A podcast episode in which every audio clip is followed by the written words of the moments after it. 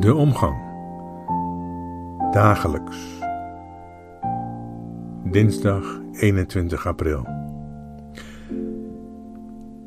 Wie gisteravond of vanavond in het donker buiten gaat staan, kan een wonderlijk schijnsel zien.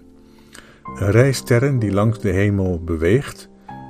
Maar dat zijn geen sterren, want wetenschapsjournalist Govert Schilling vertelde gisteren op de radio dat sterren niet bewegen. Ik dacht, ook niet met kerst? Nee, ook niet met kerst. Het waren allemaal satellieten van het Starlink-netwerk. Dat is een project van Elon Musk, eh, die meneer van de Tesla. Een project onder de naam SpaceX, waarmee Musk met eigen ontworpen Falcon-raketten tienduizenden satellieten rond de aarde laat vliegen. En in deze periode, as we speak dus, is er weer een lancering met zo'n 60 satellieten tegelijk. Musk wil namelijk een heel netwerk om de aarde uitrollen om overal te kunnen eten en schoon drinkwater te kunnen drinken. Nee, om overal naar uh, Netflix te kunnen kijken. Want aan eten en drinken is niet zo'n enorme behoefte, maar aan films bekijken wel. Gisteren zag ik bij daglicht een heel programma over vluchtelingen met miljoenen in vluchtelingenkampen, zonder schoon drinkwater, zonder zeep, zonder welke vorm van hygiëne ook, zonder eten, en met een paar artsen die nog geen mondkapje kunnen bemachtigen, laat staan iets wat zelfs maar op een beademingsapparaat lijkt. Ze hebben geen behoefte aan Starlink van Musk. Dus als daar straks corona uitbreekt. In de Hebreeuwse Bijbel, die zijn vorm gekregen heeft na de ballingschap, althans dat geldt voor het boek Genesis bijvoorbeeld, is er in het verhaal nog iets anders aan de hemel te zien. In hoofdstuk 5 van Genesis lijkt de verteller goed en wel te beginnen. Dit is de wordingsgeschiedenis van Adam, van de mens. Nu ga ik de geschiedenis van de mens uit de doeken doen. Zo luidt het eerste vers van Genesis 5. Wonderlijk, hè?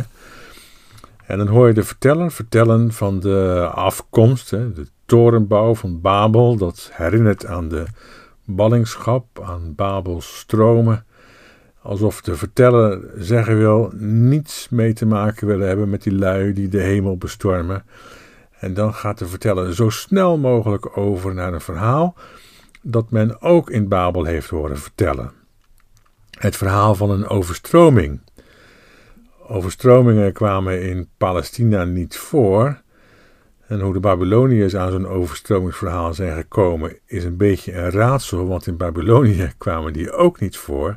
Uh, wellicht komen die overstromingsverhalen uit een nog verder weggelegen gebied, nog meer naar het zuidoosten, dat van de Sumeriërs meer in de streek tegen wat nu de Perzische Golf heet. Daar kwamen namelijk wel overstromingen voor. Nou goed.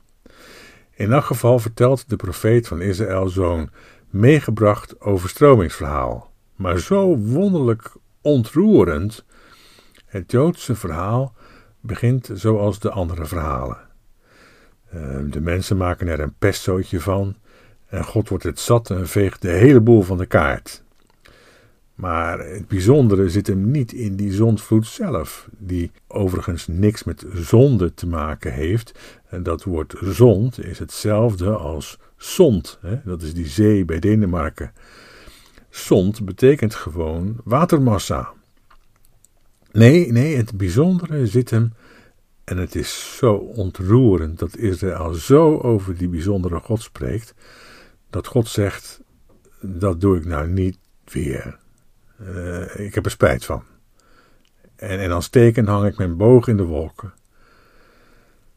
Wij zeggen dat is de regenboog, maar God gebruikt niet het woord voor regenboog, iris. Het verhaal laat God het hebben over een toxon. Mijn, mijn toxon hang ik in de wolken. En dat betekent strijdboog. Nou, we moeten even op een regenbuitje wachten. Misschien zondag. Als we de boog in de wolken zien, hoe hangt hij daar dan? Heel goed, hij hangt op zijn kop. De pijlen zijn niet op ons gericht. Dat zouden we de vluchtelingen in de vluchtelingenkampen moeten bewijzen. Want als zij zouden denken: waarom heeft God zo'n gloeiende hekel aan ons? dan zou ik mij dat kunnen voorstellen. Maar zodra zij doorkrijgen dat er ook een God is die zich onder hen bevindt, net als onder de slaven in Egypte en onder de ballingen in Babel, de God van de Bijbel namelijk, dan hebben ze kennis aan een God die het niet op hen heeft gemunt, die niet de hand aan hen slaat, maar zijn hand op hen legt in liefde. En wij, wat doen wij? Bedankt voor het luisteren. Ik wens u een hele liefdevolle dag. Tot morgen.